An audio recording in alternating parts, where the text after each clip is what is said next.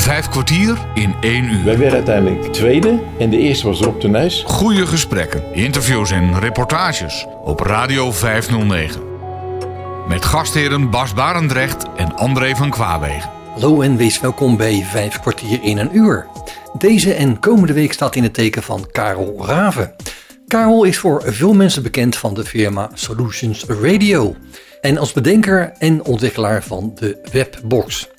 Maar wat veel mensen niet weten is dat Karel van 1962 tot en met 1965 en daarna in een toen redelijk bekende band, de Moving Strings, zat. Zij traden regelmatig op in Nederland, België en Duitsland. Daar hoor je straks meer over, maar eerst keren we terug naar het jaar 1943. Oh ja, de muziek die je vandaag zult horen is allemaal van Karels band, The Moving Strings. In 1943, wat was er toen aan de hand?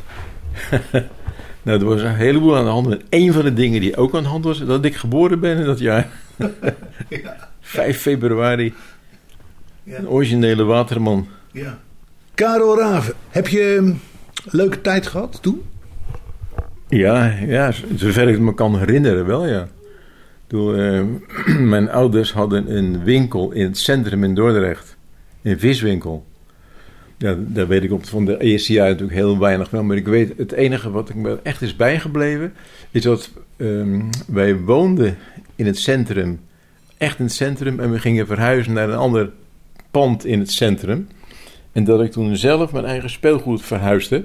Als ik was een drie- of vierjarig mannetje, had ik zo'n verhuiswagen, zo'n houten verhuiswagentje. Die ik aan een tuitje achter me aan sleepte. Met nog een paar andere dingetjes erin. Dat, dat, is, dat is het eerste wat ik me herinner. Ja. ja. je vader had er geen tijd voor om het te verhuizen, denk ik. nou ja, bij, bij wijze van spreken. Dat, dat, dat viel nogal mee. Maar in ieder geval, dat is wat mij herinner. En. Uh, toen woonden we uiteindelijk boven die viswinkel. Want we woonden eerst ergens anders in die viswinkel. Daar woonden andere mensen boven, die gingen toen weg. En toen zijn wij daar boven gaan wonen. Ja. En dat is het eerste wat ik me eigenlijk uh, herinner. Was dat leuk, boven de winkel wonen? Ja, dat, dat, dat, dat heb je dan helemaal niet in de gaten. Nee. Dat, uh, het, was een, uh, het huis was helemaal opgeknapt toen, in die periode. Was, we hadden zelfs een douche, nou dat was al hartstikke bijzonder. Dus dat huis was helemaal geverfd en ingericht. Uh, ja, dat, zo was het gewoon. Ja, de visman die een douche heeft, dat vind ik geen overbodige luxe vandaag de dag. maar wat ik, wat ik wel weet, dat de lagere school waar ik op zat, en ook de kleuterschool, waren allemaal vlak om de hoek. Ja. Omdat ik in het centrum zat.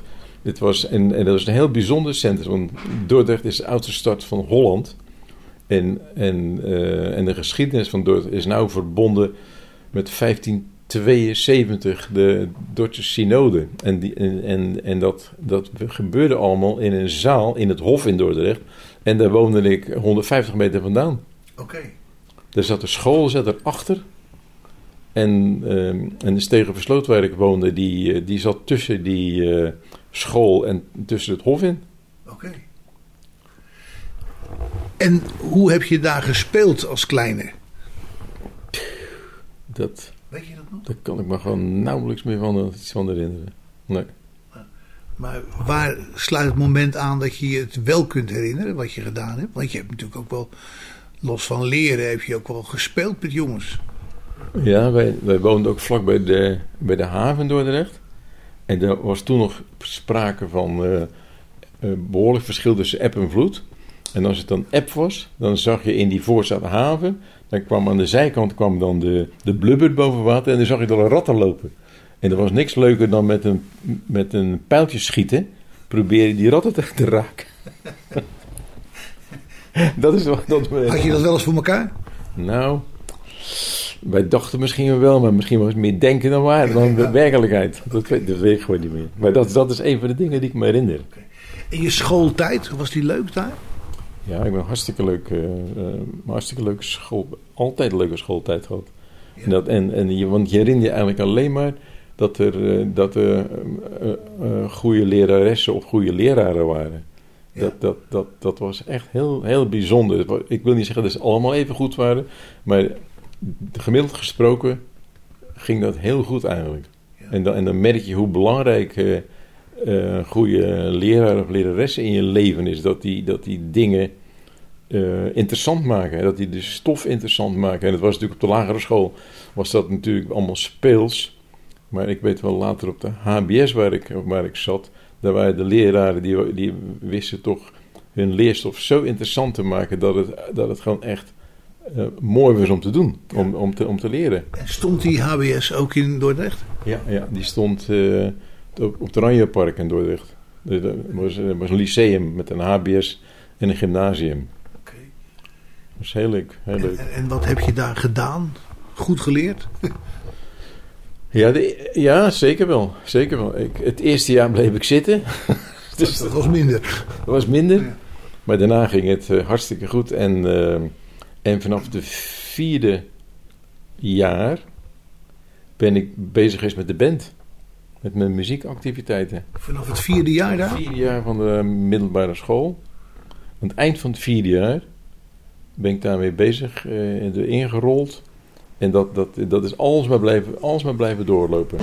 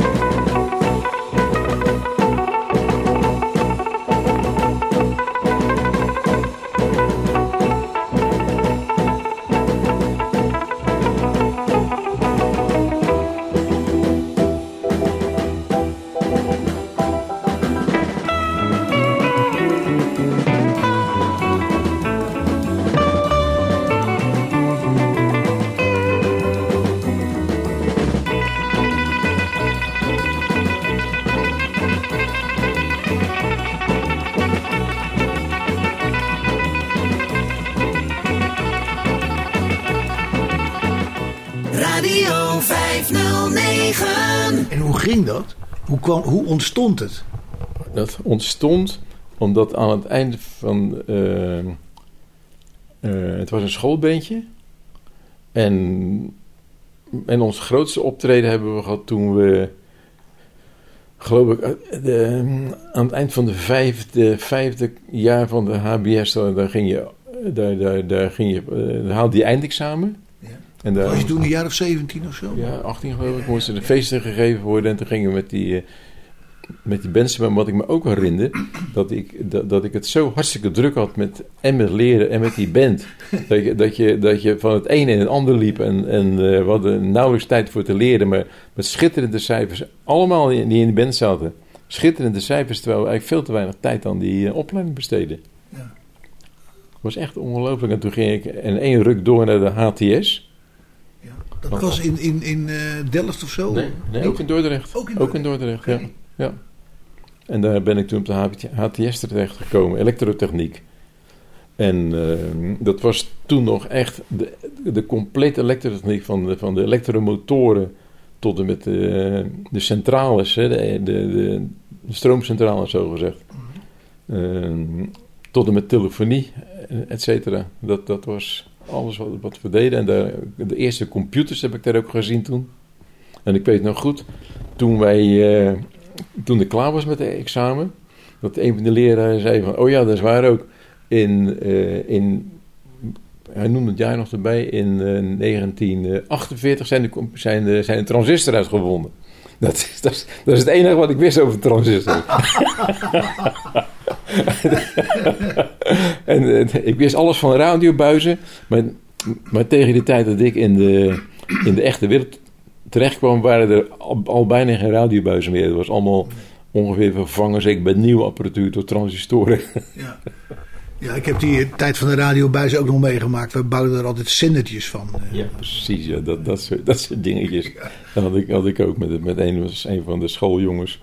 Bouwden we dan eh, zendertjes die super klein waren. En die, eh, maar die behoorlijk verrijkten. En die dan ook, ook over alle frequenties heen gingen. Dus die, alle andere apparatuur werd gestoord door zo'n klein lullig, lullig zendertje wat we bouwden.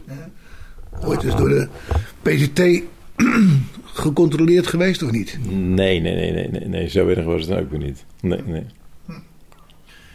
Hoe was overigens je overige vrije tijd? Hoe vulde je dat in? Verder, nou, ik was, ik ging of ehm, ging bestellingen wegbrengen voor, voor de winkel van mijn ouders. Ja. Achter op de fiets, een pakje vis. Wegbrengen bij de burgemeester en de weekend. Dat waren de mensen die, die bestelden de vis. Andere mensen kwamen het gewoon halen. Als je wat voorstelde, dan bestelde je het. Toen die twee haringen brengen eventjes op de, op de Wolwevershaven, weet je wel. Dan schiet- fietsen ze al het eiland, het eiland over. En dan kreeg je vijf cent, weet je wel. En dan moest je nog dankjewel zeggen ook. Ja, met twee woorden spreken. Ja, ja, ja, ja, ja. ja. maar het was toch op zich een schitter, schitterende tijd. Ik heb echt een zorgeloze jeugd gehad. Ja. We waren thuis met z'n drieën. Ik was de oudste. Mijn zus, middelste en mijn broer de, een jaartje jonger. En we hebben echt eh, naar ons idee een zorgeloze tijd gehad. Leven ze allemaal nog? Mijn ouders zijn overleden natuurlijk. Ja. En mijn zuster is vorig jaar overleden, net een jaar geleden. Dus je bent met je broer nog over. Ja, ja, ja. ja. Maar toen, toen ging je dus eh, aan het studeren. Ja, en toen Ja. ehm, moest ik ook nog een militaire dienst. Die, die was uitgesteld vanwege het leren. Ik heb echt een hele slechte le- herinnering aan militaire dienst. Maar je hebt hem helemaal afgemaakt die tijd. Ik heb hem helemaal afgemaakt, maar het was wel de reden waarom die band stopte. Want wij moesten allemaal een mi- militaire dienst. Ja. En, en eens in de 14 dagen in het weekend vrij. En ik kwam ook nog in Duitsland terecht, waardoor ik drie maanden we- weg weg was. Dat, dat kostte die band gewoon de kop.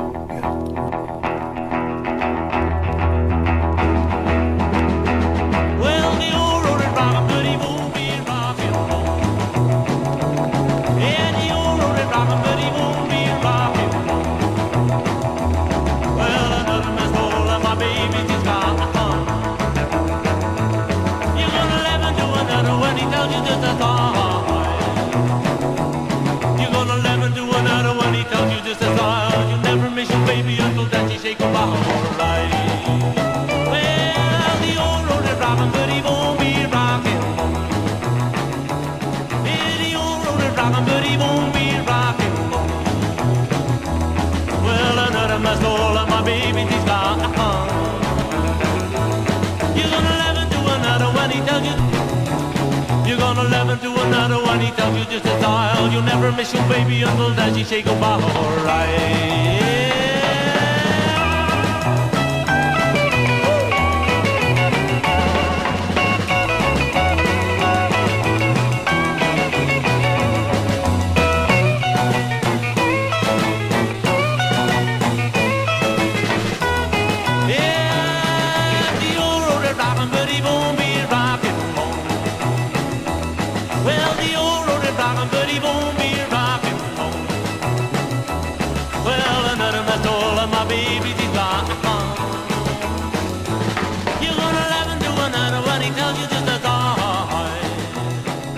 Na het winnen van de talentenjacht nationaal kampioen gitaarbands in Den Haag, dat vond plaats op 27 maart 1963, bracht de Moving Strings op 12 juni hun eerste single Rockin' Road uit. En die plaat hoorde je zojuist voorbij komen. Bas Barendrecht spreekt momenteel met Karel Raven over deze band. Heb je toen later dat dan voortgezet met diezelfde mensen of niet? Ja, maar dat is heel veel later geweest. Die band is gestopt in 64, zeg maar. 64, 65. Die band is voor een reunie weer bij elkaar gehaald in 1982. Toen hebben we 82, 83 hebben we weer uh, optredens verzorgd. Dat was een enorm succes. Ongelooflijk. Want er was iemand die zei dat hij een fan was van onze band. En die, ik kende hem niet. Maar dat, en die heeft toen kans om ons allemaal weer te bereiken. En toen hebben we uiteindelijk afgesproken ergens in Dordrecht van een of andere kroeg. En die heeft ons toen weten te motiveren om weer een keer een reunieconcert te geven. Toen hebben we gezegd, nou oké, dat uiteindelijk dat willen we dan wel doen, maar dan willen we het goed aanpakken. Dus we hebben toen een half jaar de tijd genomen om te repeteren. En dat is, echt, eh, dat is echt geweldig uitgepakt. Want wat we toen nog niet wisten, is dat toen we de eerste keer gingen, eerste keer gingen repeteren. en een, een aantal mensen hadden nooit met een, muziekinstrument aangeraakt, moet je je voorstellen. Dan ga je het over een jaar of 18 ongeveer. Ja. Dat waren dus de vorige uh, spelers die niet meer hadden gespeeld in die tussentijd. Ja, ja. Ook geen spullen meer hadden. En, en, ik had ook die soort muziek nooit meer gespeeld. Maar dat je, de, dat je daar in, in, dezelfde, in de eerste repetitie kon je gewoon de helft van de nummers weer gelijk spelen. Dat was onvoorstelbaar was dat. Het enige wat niet goed meer ging was het, het beginnen en het en, en, en, en stoppen en de, en, de, en, en de breaks, maar gewoon de nummers zelf. Dat was echt onvoorstelbaar. Dames en heren, hier komt Dick en de Moving Strings. Een donderend applaus.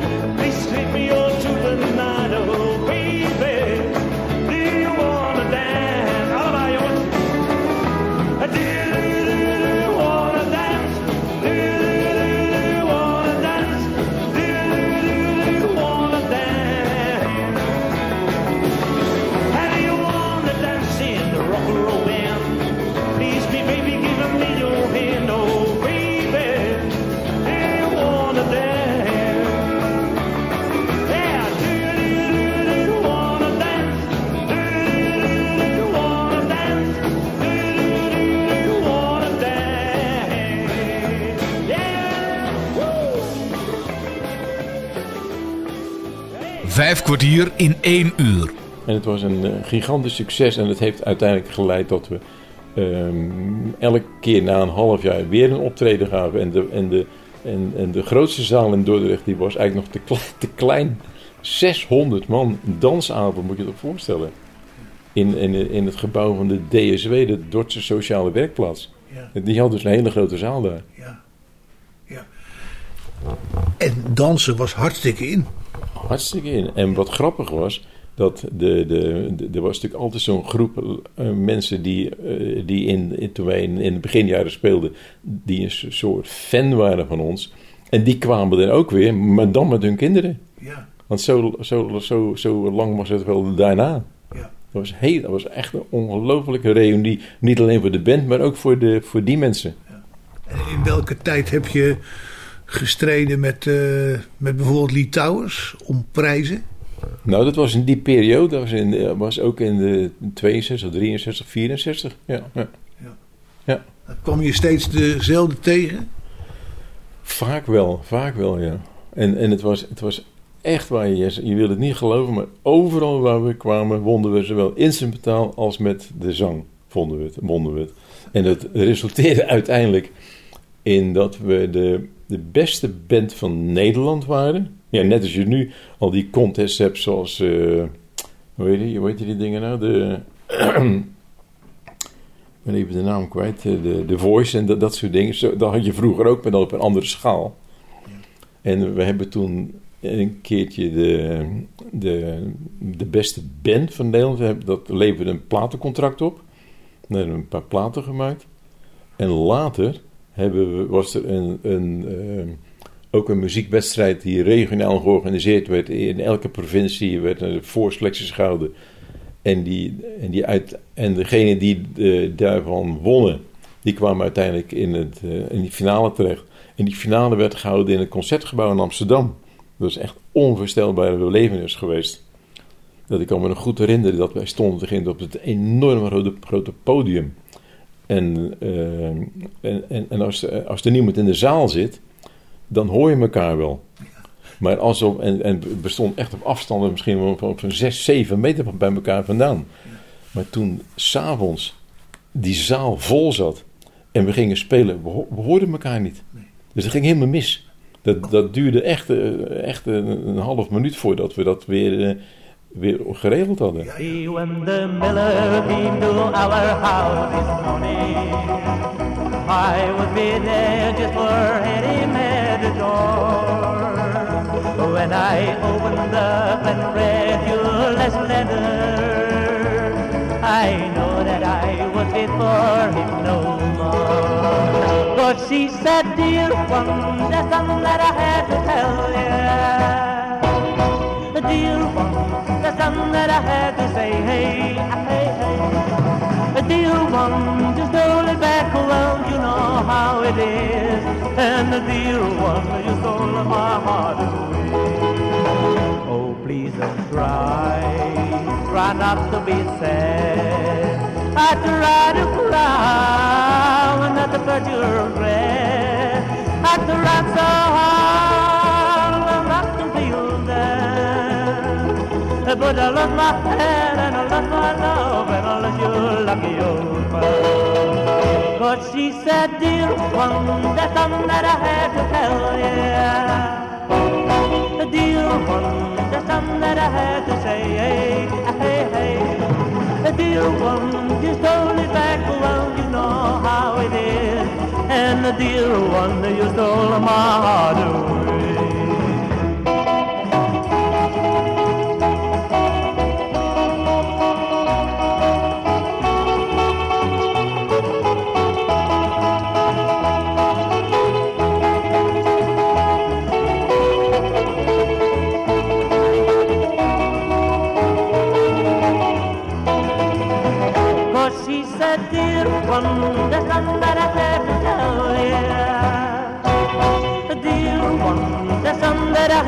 Say. Hey, hey, hey. The dear one, just it back. Well, you know how it is. And the dear one, you stole my heart. But she said, dear one, there's something that I had to tell you.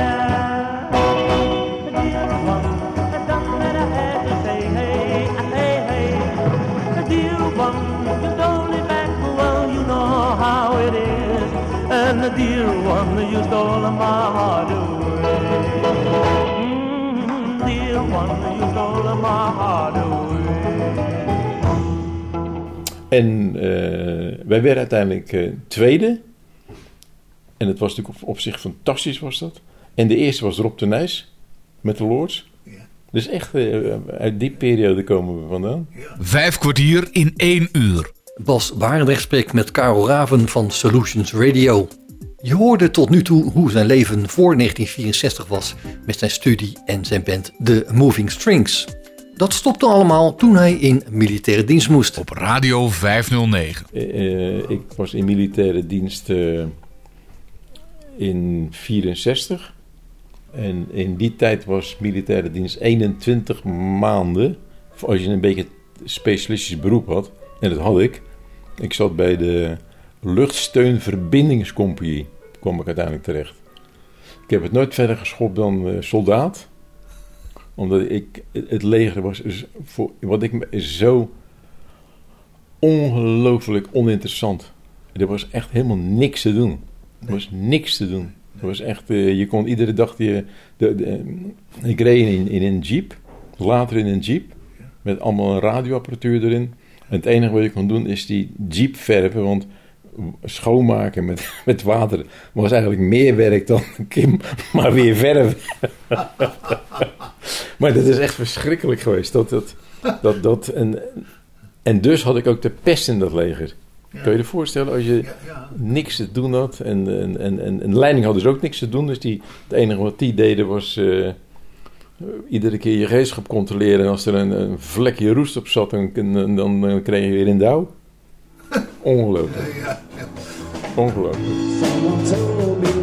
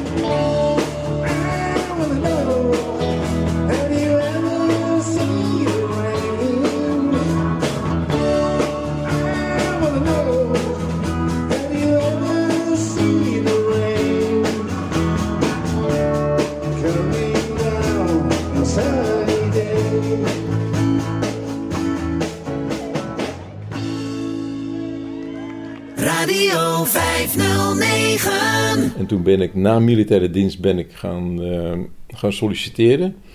En ik heb toen gesolliciteerd op, een baan bij Siemens. Als, eh, voor de afdeling beeld en geluid. Professioneel beeld en geluid. Daar ben ik toen terechtgekomen. En De, de, de banen lagen voor het opscheppen. Iedereen... eh, als je, eh, als je een beetje opleiding had, dan kwam je onmiddellijk aan het werk. Trouwens, iedereen kwam aan het werk toen in die periode. Dat is nu ook zo. Dat is nu ook zo, ja, precies, ja. Wat deed je toen bij Siemens? Bij Siemens begon ik als eh binnendienstmedewerker verkoop voor beeld en geluid. En, en, en nou, camera's waren to- toen nog maar net. Een ander ding met beeld, wat, we, wat ze bij Siemens deden, was eh, de filmprojectoren voor de, voor de bioscopen. Ja. En geluid was toen voornamelijk ehm, installaties in kerken, maar veel belangrijker nog was de eh, geluidsinstallaties in, ehm, in bejaardenhuizen. Het werd toen aan een enorm hoog tempo werden de verzorgingshuizen en bejaardenhuizen gebouwd. Elke, elk dorp was zijn eigen. En de, en, de, en, de, en de inrichting waren allemaal gestandaardiseerd. Er moest natuurlijk allerlei apparatuur in komen om vanuit je kamer vandaan, als iemand eh, ziek was, om, ehm, om het personeel te laten weten dat je iets, iets had. Met allerlei knopjes. En het andere wat ze hadden was een, eh, een vierprogramma geluidsinstallatie, afgeleid van de oude distributiesysteem. ja. Waar je vier radiozenders mee kon Ja, kiezen. ja. En je kerk. Ja. En dat, eh, dat waren grote installaties. En er was ook de, de, de, de alarmoproepinstallaties voor brand enzovoort. Dat zat in allemaal één groot, één groot systeem. En dat, daar begon ik mee. En wat, wat, wat moest je dat dan? Moest je daarmee de boer op?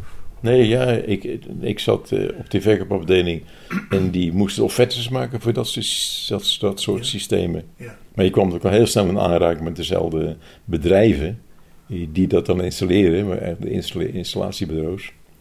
En eh, dat vond ik hartstikke leuk werk. En kwamen ze nu en dan ook ziekenhuizen voorbij. Dat was natuurlijk eh, een paar slagen groter. Ja. En, eh, en ook een paar slagen complexer. En- Waarom complexen? Nou ja, als het groter wordt, dan moeten er gesplitst worden in afdelingen.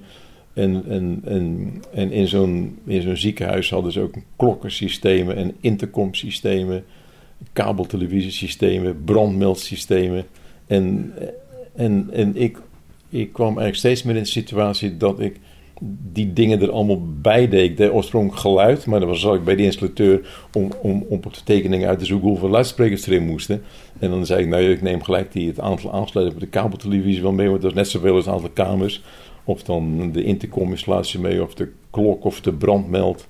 En zo ontstond langzamerhand bij, bij, bij Siemens ontstond de, een soort projectafdeling die, die al de zwakste installaties. We bemoeien, wij bemoeien ons niet met het licht en met de, met de stroominstallatie, maar wel met al die zwakstroom, al die dingen die met, met dunne draadjes met elkaar verbonden Ja. werden. Ja. Dat was eigenlijk mijn, eh, mijn gebied. Ja. Maar daar kwamen natuurlijk ook heel andere projecten voorbij. Bijvoorbeeld eh, de Doel in Rotterdam. Ik kwam net bij Siemens binnen toen ze daarmee bezig waren. Of de Metro in Rotterdam. Ja, waar ook natuurlijk omroepinstallaties in zitten, maar dan wel eh, duizend luidsprekers. Hè? Ja. En met in- noodoproepsystemen. En eh, En centraal ook weer geleid. ja, centraal geleid. Ja, eigenlijk, eigenlijk kan je zo zien dat in mijn hele werkzame leven, zo gezegd, daar, daar heeft, daar heeft geluid een belangrijke rol gespeeld. Soms ook een beetje televisie, maar ook netwerken. Het, het, het, op, het op afstand bedienen. En dat gebeurt vroeger allemaal met analoge systemen. En ik, ik heb het natuurlijk ook meegemaakt dat die, al die systemen overgingen naar digitale systemen. Eh, geluid werd eh, gedigitaliseerd. De, de analoge telefoonnetwerken of de, werden allemaal ge- gedigitaliseerd en gingen van, van, van ehm, geschakelde verbindingen naar geschakelde pakketten. Ja, Van circuit switch naar packet switch. Ja. Dat, dat, eh, en en eh, heb ik, dat- die hele periode heb ik meegemaakt. Dat was een ontzaglijke, eh, interessante ontwikkeling geweest. Dus alle dingen die ik vroeger deed, die gewoon met analoge techniek gingen, die gingen later met digitale techniek. Het was in wezen veel complexer, maar, maar veel makkelijker te projecteren en veel makkelijker te handelen.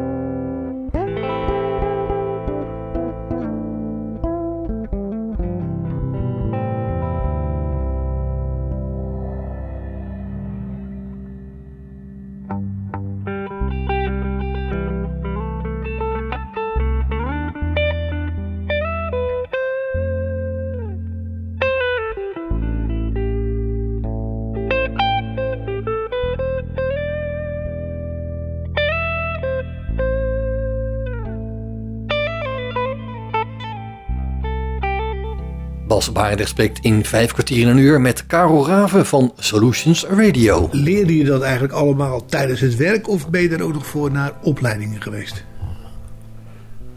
Eh, soms opleidingen, ja. soms bedrijfsinterne opleidingen.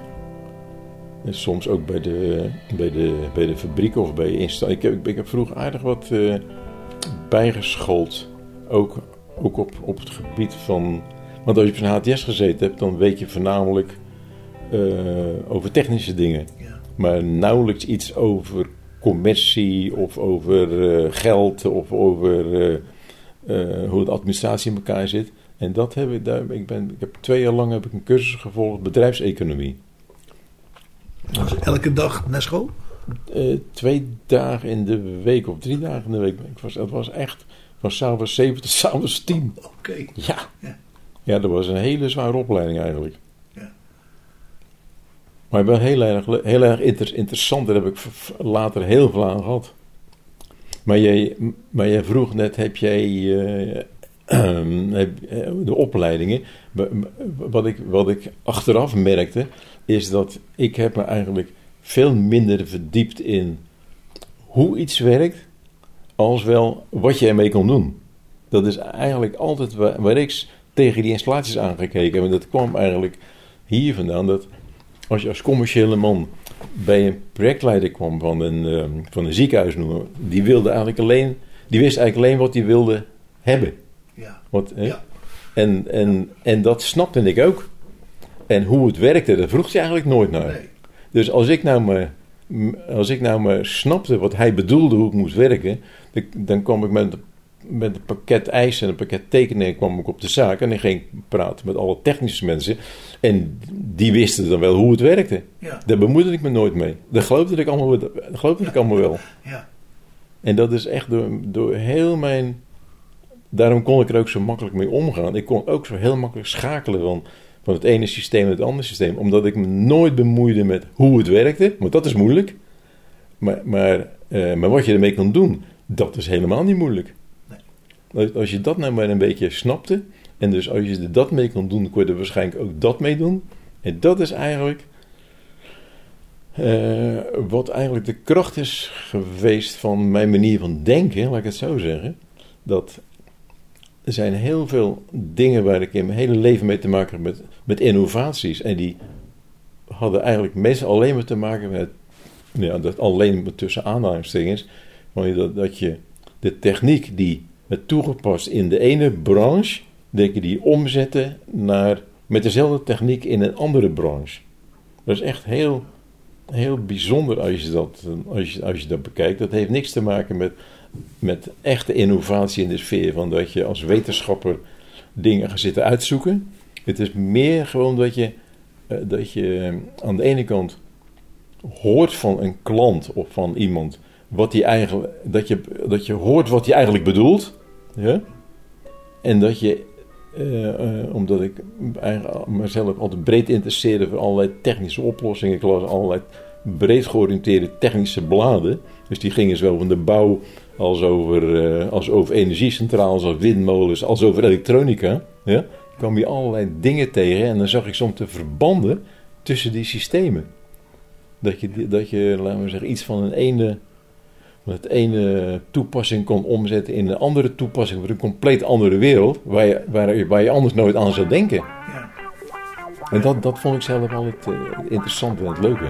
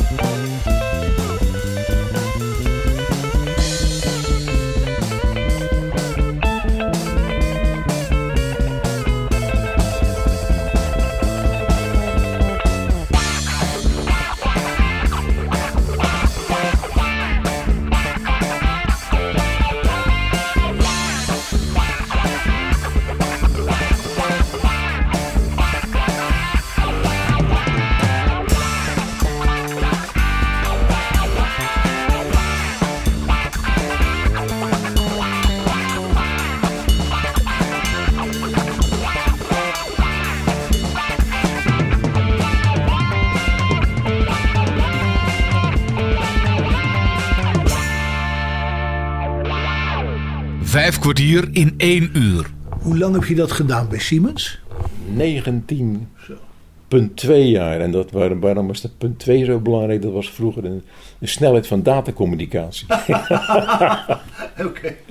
dat, dat, wij hebben het nu over megabytes, weet je wel, of megabits. Ja. Dat had je, toen had je 19,2. Dat was een hele snelle verbinding. Want we begonnen met, eh, met ongeveer 2 kilobyte. Oké, oké, oké, oké. Maar toen heb je de bakens drastisch verzet. Vertel daar wat over. Ik heb bij Siemens eerst nog wat anders gedaan. Ik heb bij Siemens, dus ik ben begonnen met beeld en geluid. Uitgebreid naar projecten, wat ik net zei. En uiteindelijk ben ik naar telecommunicatie gegaan bij Siemens. En daar ben ik op een gegeven moment mee, eh, daar ben ik op een gegeven moment weggegaan bij Siemens. Maar wat was telecommunicatie? Wat hield dat voor jou in? Dat hield voor mij, voor mij was het in eh, draaggolfsystemen bijvoorbeeld, voor verbindingen tussen, tussen PDT-torens. Oké. Maar dan niet voor de PDT, maar dan bijvoorbeeld voor de NAM. Ja. Dus, eh, dus voor, voor allerlei bedrijven die ook Oh, allerlei ja, telecommunicatieverbindingen nodig hadden. Ja. Voor de hoogovens, weet je wel, dat soort dingen. Ja. Ja. Maar daar was je sneller op uitgekeken? Nou, dat niet, maar toen, daar, daar, daar, daar kwam ik in een situatie dat, dat, dat ja, zo jovel. Het was, was een hele lastige situatie. Was, het was toen, eh, de, de PDT was een hele belangrijke klant voor, voor, voor Siemens. En toen, eh, en toen werd ik op pad gestuurd om, om ehm, om voor bedrijven telefooncentrales te gaan leveren. Nou, dat zijn vaak, zeker als je bij hele grote klanten komt, bij de Shell en de Hoogovers, zijn het hele grote systemen. En daar kwam ik rechtstreeks een concurrent met de PTT, of wat tegenwoordig KPN heet. Ja. Nou, en dat werd natuurlijk boven jouw hoofd bij de Siemens-directie geregeld dat het toch een KPN moest blijven. Ja. Dus jij zat je eigen rot te werken aan grote telefooncentrales en al- allerlei technische toestanden. Maar het werd uiteindelijk gewoon geblokkeerd als het ware bij je, bij je eigen directie. nou, dat, eh, Daar hield je niet van. daar hield ik niet van. Dus toen ben ik op een gegeven moment weggegaan. En dat viel eigenlijk samen met, het, met, de, met de, de komst van de landnetwerken, de, de, de, de local area netwerken. We hebben, ik bedoel, in die periode ervoor waren er eigenlijk geen personal computers. Er waren wel computers, maar geen, geen computers die op je bureau had staan. Nee. En was de behoefte voor netwerken, was, nou ja, was er wel, maar niet zo groot. En toen kwam plotseling, toen over, iedereen een, een computer ging krijgen, toen was het heel belangrijk dat op die afdelingen die computers allemaal met elkaar werden verbonden. En de volgende stap was dat de computers in, bij afdeling A in Rotterdam konden praten met de afdeling B in, in Zeist, bij wijze van spreken. Dat kwam het, dan kwamen de, de, de wide area netwerken. Dus eerst local area netwerken en toen wide area netwerken. Die moeten gekoppeld, gekoppeld kunnen worden. En daar was allerlei speciale apparatuur voor nodig. En toen ben ik bij een bedrijf gaan werken die daar iets in wilde gaan doen. En daar, en daar kwam alle spullen waar je mee te maken had, die kwam uit Amerika vandaan. En dat, eh, dat was in de periode dat een, een, een Cisco begon te, begon te komen. Ja, want die, die, die zijn ontstaan in de periode eh, 1986, 87, 88. En er waren een aantal bedrijven die toen min of meer tegelijkertijd ontstonden, maar allemaal verschillende soorten oplossingen hadden. En uiteindelijk is Cisco is de grote winnaar geworden. En eh, wij hadden net, net, net een ander bedrijf. Die had natuurlijk andere apparatuur die ook hele grote voor, voordelen had. En toen kregen we plotseling kregen, kregen wij opdrachten van bijvoorbeeld een Unilever en van de universiteiten en van de KLM en van dat soort bedrijven. Die enorme grote aantallen netwerkapparatuur gingen kopen bij een bedrijf zoals wij, die daar plotseling oplossingen voor hadden. Ja. Dat was echt, echt ongelooflijk was dat. Dat, was, dat bestond absoluut niet ervoor. Plotseling kwam dat en het nam enorme vlucht. En aan wie heb je toen geleverd? Ja, aan die bedrijven die ik, die, Ja, die ik net ja. noem je. Oké. Ja. En, en dat, dat was een hartstikke leuke tijd. Maar, en dat bedrijf waar ik toen de leiding had over de commerciële afdeling, die, die groeide van twee mensen binnen drieënhalf jaar tijd uit naar 35 mensen. Dat was een, ongelooflijk was het. Dat groeide net zo hard als de hele wereld van die computers. Ja. Eh, maar dat werd toen overgenomen door een, een heel grote onderneming. En toen waande ik me weer terug bij Siemens. Weet je, waar je ideeën kon inleveren bij de directie. En waar je dan, als je geluk had, ooit wat van hoorde. En het was hier weer zo. Ja. En toen, dat had ik gauw bekeken dat ik dat niet meer wilde. Dit was Karel Raven. Volgende week gaan ze verder op het moment dat Karel zijn eigen bedrijf begon, wat later dan weer Solutions Radio zou heten. Ik bedank je mede namens Bas Barendrecht voor het luisteren en heb je nog vragen of opmerkingen of wil je zelf wel eens aan het woord komen of ken je iemand die je aan het woord wil laten komen, dan kan je een mailtje sturen naar bas.radio509.nl. Dit programma is overigens ook te beluisteren via de podcast van Radio 509. Geniet van de rest van deze dag, blijf luisteren naar Radio 509 en tot een volgende keer. Vijf kwartier in één uur is een programma van Bas Barendrecht. Techniek André van Kwaabegen.